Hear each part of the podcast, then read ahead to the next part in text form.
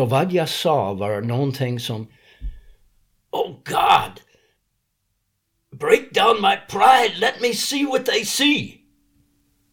Och du vet, då, den här med Jesus, han var inte dum. Han visste vad han gjorde. Han haft ett plan. Han var med från början av allting. Han var med från början. Alla de gamla judiska profeter, de förespråkade att han ska komma. Det var skrivet ner. Och han, han gick i den precis som det var planerat. You know, han ska dö, men han kom tillbaka. Över 500 folk i Jerusalem såg honom levande efter. De som, de tolv han uh, handplockade, you know, Judas klarade inte av det, men de andra elva, de jobbade för Jesus till de dog också. Mest av dem var avrättade, men de trodde att han kom tillbaka. Och jag tänkte, om han har kommit tillbaka och mer folk tror på honom än på någonting annat i den här världen. Han har folk med sig. Han har kapacitet att rädda den här världen. Nu också! Inte bara då. Nu! Och jag försökte göra revolt, revolution och hitta någon ledare, Mao Zedong eller vem som helst som ska leda oss. Du vet, vi har en som redan klarat av döden. Och han har lovat att komma tillbaka. Jag har hört det i katolska mässa hela mitt liv. Christ has died, Christ is risen, Christ will come again. Men det aldrig träffade mig att han vill komma tillbaka och rädda oss. Och nu alla de här ungdomar över hela världen är förskräckt. You know, alla olika saker som kom ner på jorden. Det är skrivet att mäns hearts shall fail them for fear about what's coming over the earth. Vi är i de dagar nu. Men det är lugnt. Han ska komma tillbaka. Han har ett plan. För den här mannen som hade hjälpt dig där, han dog i en flygolycka sa du? Uh, han, han som hjälpte mig plockade mig upp från... Uh, mm. Han, han dog inte i en flygolycka. The präst på den gård jag jobbade på efter jag kom till Jesus. Ja. Han, han dog i en flygolycka. Vad tar du vägen efter det här sen då? Jag tog mig till Israel. Mm you know, the pojkar där på den ranch, de gjort ett stort fest för är, mig. Är vi fortfarande i början på 70-talet eller är det mitten på 70-talet? jag, jag åkt, nej jag var fem år på den ranch. Oj. Jag älskar, jag trodde jag skulle vara där hela mitt liv. Jag älskar den. Mm, som Men, ett kloster nästan då? Ha? Lite som ett kloster? Ja, det, ja, det var långt ute i bushen i. Dakota. Mm. Men uh, jag tog mig till Israel att besöka Israel. Men det var så fascinerande. Jag var där nästan sju år. Jag var på en liten kibbutz. Och uh, det var en annan troende jude som haft en dröm om Jesus när han var tonåring. Vi bad tillsammans och uppmuntrade varandra. Och han tror att hela Israel ska komma till tro på Jesus. Och det ska vara slut på kriget i Mellanöstern. Och jag, jag kan tro det också. Den, uh, den är den enda lösningen egentligen. Men vad, vad hände under de här... Du, du befann dig i Israel i sju år. Ja. Jobbade du eller studerade du eller? Ja, både och. De, min kibbutz skickade mig till hebreiska skola. Så jag pluggade några timmar per dag och jag jobbade några timmar per dag. Så jag lärde mig hebreiska. Det är lika förskräckligt som min svenska men... Uh, men du kan göra det förstådd och ta dig runt på din hebreiska i ja, ja, i alla fall. Ja, och det, det bästa är att jag kan plugga mig sakta, sakta genom den heliga skriften och jag, jag ser saker på hebreiska som är mycket bättre än engelska eller svenska. Ja, det är, det är starkt. Ja. Och vad hände sen efter Israel då? Well, jag träffade min fru. I Israel? Ja, och jag trodde aldrig jag ska gifta mig. You know. jag, jag, you know, jag trodde ingen kan bo med den, ingen kan leva med mig. Jag, you know, jag fortfarande haft ingen struktur, ingen natt och dag. Jag haft en motorcykel.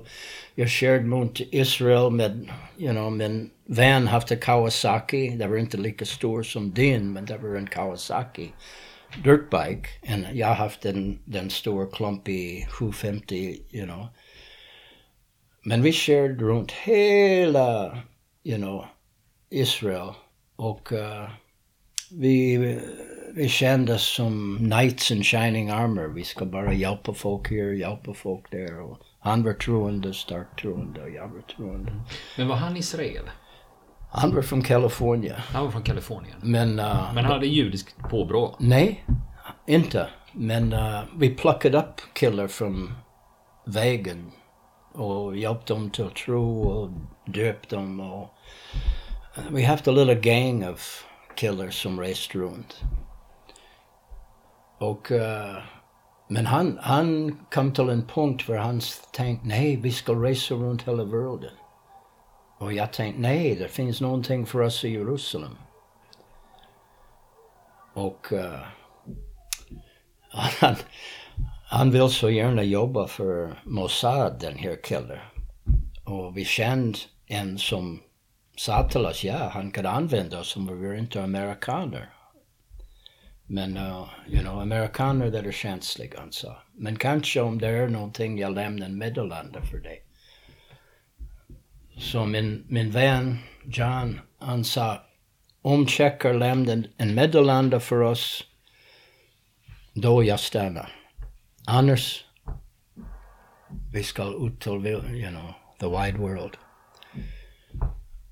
Och jag sa, nej, det var ingen meddelande. Jag åkte Jerusalem, han åkte till England och min fru Elizabeth kom tillbaka till var jag bor i Jerusalem i den tid. I det värsta slum i Musrara i uh, Jerusalem. Och hon, vackert som hon är, hon satt där i bästa rummet med uh, hon, de som ägde den lägenhet. Och jag fick så starkt att det var mening i den. Och hon sa att ett år tidigare, den allsmäktige sa till henne, hon ska gifta sig med mig. Hon jobbade som en frivillig på en uh, arabiska refugee camp near Bethlehem, Betjala. Och jag, jag trodde inte hon kunde mena allvar. Men när jag frågade den allsmäktiga, ja, jag var i öknen i Sinai för ett bra tag och lyssnade till honom och det var Du är klart. inte den första som har varit i öknen i Sinai och lyssnat på honom. du vet vad jag menar va? Ja då. oh. Ja, men det, du vet, vi gifte oss i Jerusalem. Och det var, you know, Jesus sa när han kommer tillbaka, det ska vara en stor fest. Det ska vara folk från, you know, alla olika slags människor. Och det var som det var på vår bröllopsfest i Jerusalem. Och jag tänkte, du vet, om han kan göra det för mig, han klarar av hela världen. Men hur hamnade ni i Sverige sen då? Ja, eh, hennes mor, Gud välsigna her. Jag ska ta familjen, vi har haft två barn redan. Och en var på väg, han som kom nu. Och jag var bjuden att vara föreståndare, jag skulle aldrig klara av den, men jag var bjuden att vara föreståndare för en lilla handikappad uh, barnhem i södra Lebanon.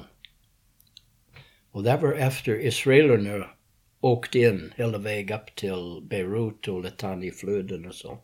Så det var israelisk område Men just det, då. då är det början på 80-talet då? Ja. Och jag var färdig att ta den. Och uh, Elizabeth åkte upp till södra Lebanon också. Jag fixade hon kunde komma. Hon var den enda kvinnan som kom över gränsen i den tiden. Upp till södra Lebanon. Och hon tog det som en utflykt från Jerusalem. För det, det var riktigt varmt i Jerusalem just då. Och hon mådde lite extra gott upp i Lebanon. Så hon var inte helt emot att vi gjort det med ett barnhem. Men eh, uh, Israeli myndigheter sa nej, du kan inte ta barn in till det området, det är för farligt och amerikanska myndigheter sa absolut inte, ingen amerikansk medborgare. Så vi var färdiga att åka upp till norra Galileen och bara vänta och gå in. Och precis i den ögonblick, min frus mor som var änka här i Sverige, ringde mig och frågade om det var inte dags för oss att komma till Sverige för besök. Hon kände sig så ensam.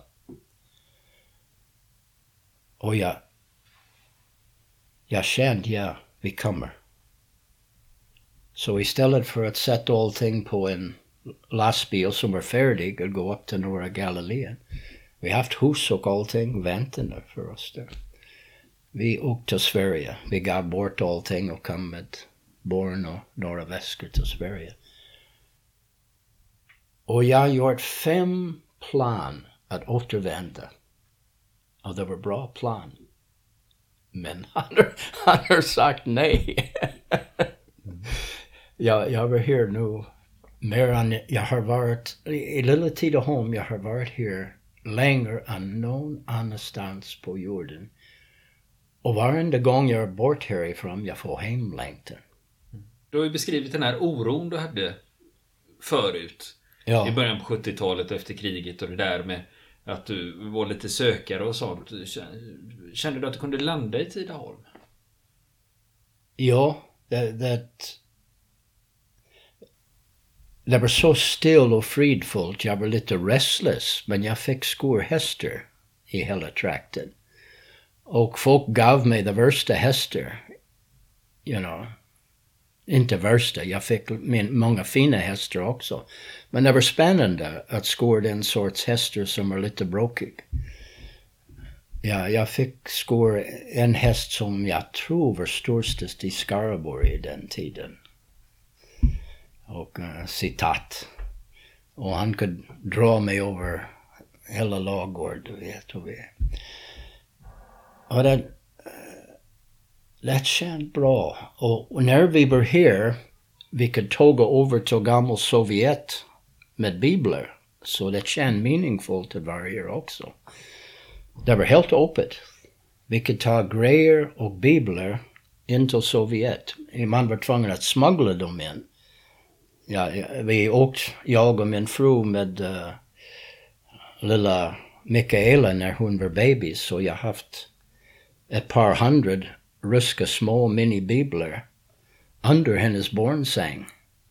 Och vi åkte från Stockholm med båt till, uh, till gamla Leningrad. Och de bara vinkade oss in och jag, jag gav en före detta muslim i Leningrad alla de biblar.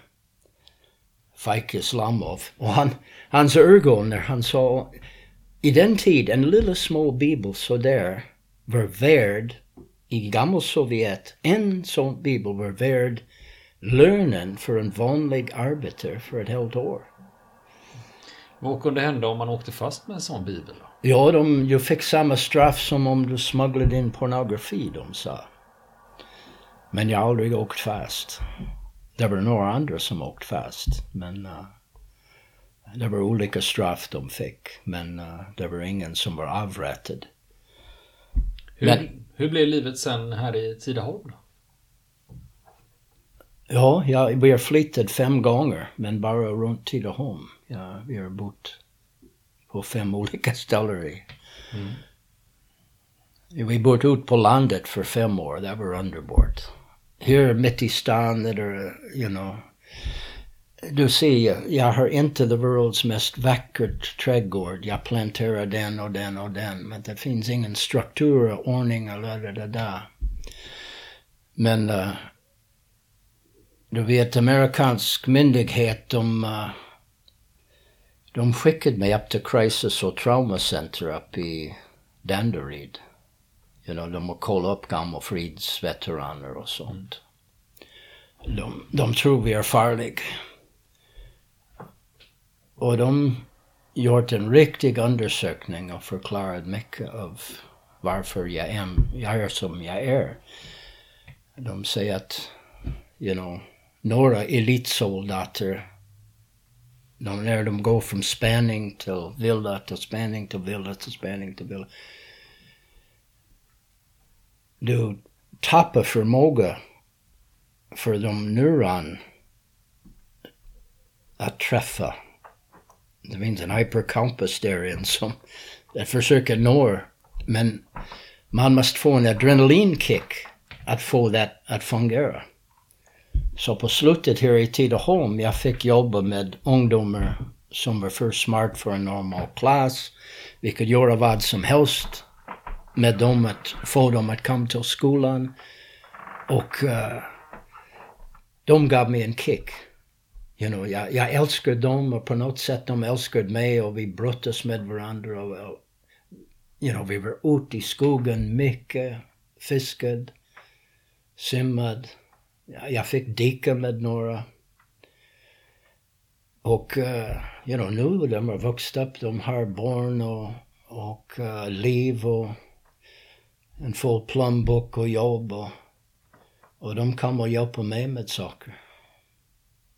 Eh, vad tror du det var som gjorde att de knöt sig an till dig? Well, jag, jag, jag tror, jag sa till en rektor en gång, han frågade mig varför de respekterar mig. Och jag, jag sa, kanske de vet jag har dödat folk. De kanske respekterar mig för alla fel saker. Ja, kanske, jag vet inte. För ibland, en del som har jobbat med ungdomarna säger att vad är det som gör att det funkar? Att, nej men jag lyssnar på dem. Och jag, jag verkligen älskar dem. You know, jag, jag, har, jag kunde älska någonting eller någon innan den här Jesus upplevelse. Jag försökte älska men det gick inte. Jag kunde hata. Jag kunde leva för hat. Hat gick. Men kärlek, vad är det? Men sen, för jag menar, du blev ju pappa och fick flera barn och idag har du barnbarn och ja, sånt. Så ja. du, du har ju gjort hela den resan också. Ja, ja. Med kärlek. Ja, ja. Det, det är otroligt. Det är så magisk kärlek. När, när, när, när Johannes skriver att Gud är kärlek. Jag menar, det är inte bara någon lös begrepp. Det är någon verklighet. Det är någonting att de av oss som you know, är traumatiserade eller ond. Vi, vi kan inte uppleva kärlek. Men när vi får det genombrott, när han träffar oss. Han säger att han till och med tar sin ande och bor i oss. Det finns någon slags kärlek som rinner över och över och över och över och över och över. Men stackars fru, hon måste leva med mig. 42 år. Men du vet, den kärlek, det håller. För en del beskriver också den omvälvande upplevelsen att bli förälder. Att ja. det förändrar ens liv. Ja, det är det största i livet egentligen. Ja. Där, där, du, du har en uh, målvakt, uh, vad heter han, Ravelli, Ravelli. De frågade honom, var det inte största ögonblick i ditt liv när du stoppade den boll i World Cup? Han sa nej. Jag är pappa. Jag var, jag var med när barn föds. Och jag var med när de kom till. Mm. Men, det var störst. Ja, men du är, du är ändå med ditt bagage och dina upplevelser. Ja. Hur har du lärt dig att handskas med dem? Eller har du det? Well, that, du vet, han hjälpte mig. För, you know, drummer, de mardrömmar, mm. de gick bort nästan omedelbart. De ungdomar också bad för mig att jag ska vara fylld med den heliga Ande. Och när de bad ett slags språk osad ur mig. Och jag kan använda den språk när livet är svårt och sånt. Och om jag har svårt att sova ibland, jag kan vara upp en hel natt. You know, jag, jag, jag har inte så, så mycket struktur. Mm. Men uh, ändå, när det är dags att sova, jag kan använda den språk du vet och det, det finns en frid. Mm.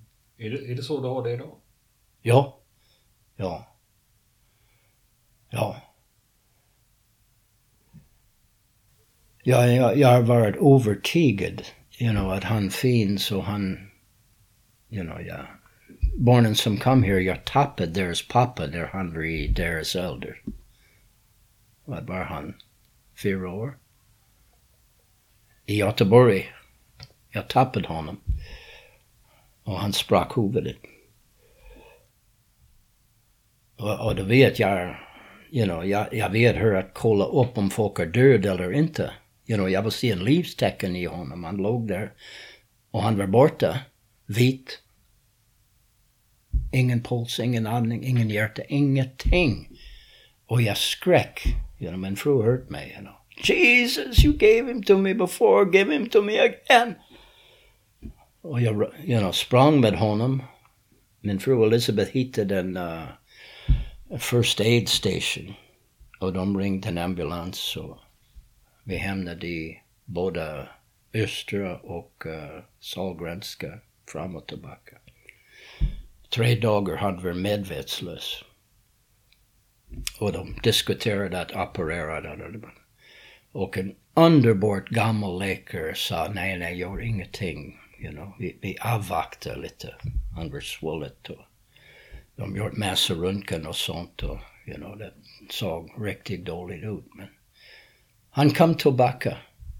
Han satt upp i sängen, kräkt över hela mig och skrattade the most underbart, gudomlig, vackert pojkskräck. Han sa, pappa, I saw Jesus. Och började berätta massa saker. Och berätta och berätta. Och han sa på slutet, Jesus tog honom upp och sa till honom, på svenska tror jag. Du måste tillbaka till din pappa nu. Så det, jag menar, hur kan jag vara någonting annat än en troende människa? You know, nu, han är här med sin tre pojkar. Mm. I Billings, Montana finns det en lokaltidning som heter The Billings Gazette. Ja. Och de började för några år sedan att spela in intervjuer med Vietnamveteraner. Och de ligger tillgängliga på Youtube så man kan gå in och titta. Och det, de kanske har 30-40 olika intervjuer. Män i din ålder och de har liknande upplevelser som ja, du fast ja. de har gjort, haft olika typer av tjänster. Så det är väldigt intressant att lyssna på deras... Eh, jag tycker det är intressant att lyssna på det. Men där ställer de faktiskt en fråga som jag tänkte ställa till dig.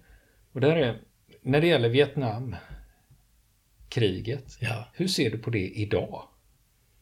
You know, efter jag var tillbaka, you know, precis 50 år efter jag lämnade Danang, jag och min fru åkte tillbaka. Bara för att min, min dotter hamnade i Hanoi på skolan och hon skulle landa i Hanoi uh, you know, sent på natten. Och kompis, hon skulle åkt med, hoppade av resan. Så Elizabeth och jag skaffade biljetter att komma uh, till Hanoi innan henne. Så vi var där och ta emot henne och kolla upp det Airbnb hon fixade. Var. Så vi hamnade i Vietnam 50 år efter jag lämnade den. Och vi fick åka den efter Hanoi till Da Nang, träffa syster Jean-Marie vi åkte upp till Way. Jag kunde se hur de byggde upp staden igen och livet. Ja, jag fick träffa en man som var en streetpojk i, i Way när kriget gick. Och han sa till mig I was not a Kong. I was not a Kong, he said. Du vet, de er är riktigt stolt över att de har vunnit kriget. Att de slog amerikaner. Det finns museer överallt. Men de ungdomar är inte intresserade i det krig mera. Det är gammal historia. You know, de tittar åt framtiden. Och de tittar på andliga saker. Överallt de har, you know, all sorts of Buddhist statues och sånt. Och eh, det är ett kommunistland med nästan varenda familj är en entreprenör. You know, de har lilla business, de har business. De... Ja, jag tänker, vi gjort en krig att avskaffa kommunism där. Fruktansvärt krig. Men de är mer kapitalistiska än vi är här. Egentligen. De har rik, de har fattiga, de hjälper varandra. Men det mest hoppas att ha framgång. Och, och de är intresserade i andliga saker. Jag, jag har en bok här som jag, jag skrev när jag var lärare här tillsammans med en indianhovning i Alaska. Vi tänkte att om vi gör det ihop, lärare ska läsa, de, de läser inte den för jag skrev på baksidan Rocky Schmidt har följt Jesus för 40 år över hela världen. Ingen, ingen vill läsa en bok av någon som har följt Jesus. Här i Sverige tror du är knäppt. Några, de som läser den tycker om det, men uh, you know, en bok står de ser den. Åh oh, nej, nej, nej, kan inte ha det. Men i Vietnam, jag, jag ger det till vietnames och jag varnar dem. Jag säger det finns mycket här inne om Jesus. Du vet vad de säger? Intressant. Åh! Oh. Ja. ja. Jag lämnade några böcker i Hanoi i en bookstore. De var sålt ut direkt. Ja, jag har böcker i en, i en bookstore i Tidaholm. jag, jag, tror de har sett, de har sett där för eh, ett par år. Jag tror inte, jag vet inte om någon har köpt än. You know, jag, jag, jag, folk vill ha dem, jag, jag säljer dem direkt eller jag ger bort dem för det mesta. Men, uh, you know, jag tog en hard course på flaggan här i Sverige och var så rädd för Jesus. Jag, jag, jag fattar, det var så mycket konstiga saker. You know, journalister, de har inte hittat på. Men de har hittat så mycket konstiga saker i kristendom. Och, och särskilt i modern tid i, i Sverige. Det finns så mycket att skratta åt, you know, att uh, det är lätt att skrämma bort folk från att vara troende. Men uh, men vi, vi klarar inte skrämma bort Jesus. Jag menar, han... You know, we hans tecken är på vår flagg Och uh, vi har haft tusen år av kristendom här som bas. Ja, jag tror det är 200 år av frid du har haft här i, i Sverige. Ingen krig här. Jag tror det är... Jag har hört svenska folk som vet hur att be. Jag, jag, jag, jag känner en 94 år gammal uh, tant här i Tidaholm som kan be. Hon var missionär i Afrika. När hon be, jag vet den allsmäktiga hör henne. Och när hon be för Sverige, jag vet han, han hör henne. Det är ingen slump du har haft frid här för 200 år. Jag tänkte om vi går till, jag, min fråga här som vi gick in på nu, det var ju det här med hur du ser på Vietnamkriget idag. Nu har det gått så många år. Och du nämnde just det när du var tillbaka i Vietnam och du fick besöka de här platserna. Ja. Ja, jag... Jag tror vi amerikaner, vi måste verkligen vakna upp för vad vi gjort där. Jag menar, om vi skulle varit som syster Jean Marine sa, nej, nej, du måste hjälpa oss, du måste vara här. Ja, vi misslyckade i den. För uh, efter vi lämnade Vietnam, there were över en miljon vietnameser som var tvungna att hoppa på båtar och riskera pirater och vara refugier för många, många år i Hongkong och eh, Singapore, och Malaysia och. Och, jag menar, om vi skulle varit där, vi misslyckades. Men jag tror om vi skickade 500 läkare dit istället för 500 000 soldater. Och om vi verkligen älskar landet istället för att tappa mer bomber på Vietnam än you know, var tappad över hela Europa i andra världskriget. Av alla grupper tillsammans. Alla den på en lilla land. Jag menar. Och att vi, you know, vi tjänar pengar på krig i Amerika. Vi, president Eisenhower sa det. Han sa vi är addicted till krig. Den military industrial complex behöver krig. Att, att, att uh, om vi ska ha en stor försvar som vi har, vi måste sälja vapen också. Om vi ska sälja vapen, vi måste experimentera med vapen. Vi behöver lilla krig här och där. Eh, you know, det, det finns för mycket att tjäna på kriget. Och vi kan inte sluta. Och jag tycker här i, här i Sverige, det var en historisk punkt var du fick nog av kriget. Folk. De måste fråga den allsmäktige, ska vi fortsätta att kriga eller ska vi gå en annan väg? Och uh, det finns bra saker från krig. Det kan hjälpa att folk håller ihop. Jag menar, jag, jag var i Israel för så många år det finns så många olika inriktning i Israel. De säger om du har tio judar i ett rum, du har minst elva perspektiv du vet bland dem. You know, det är svårt att hålla ihop. Men krig håller folk ihop.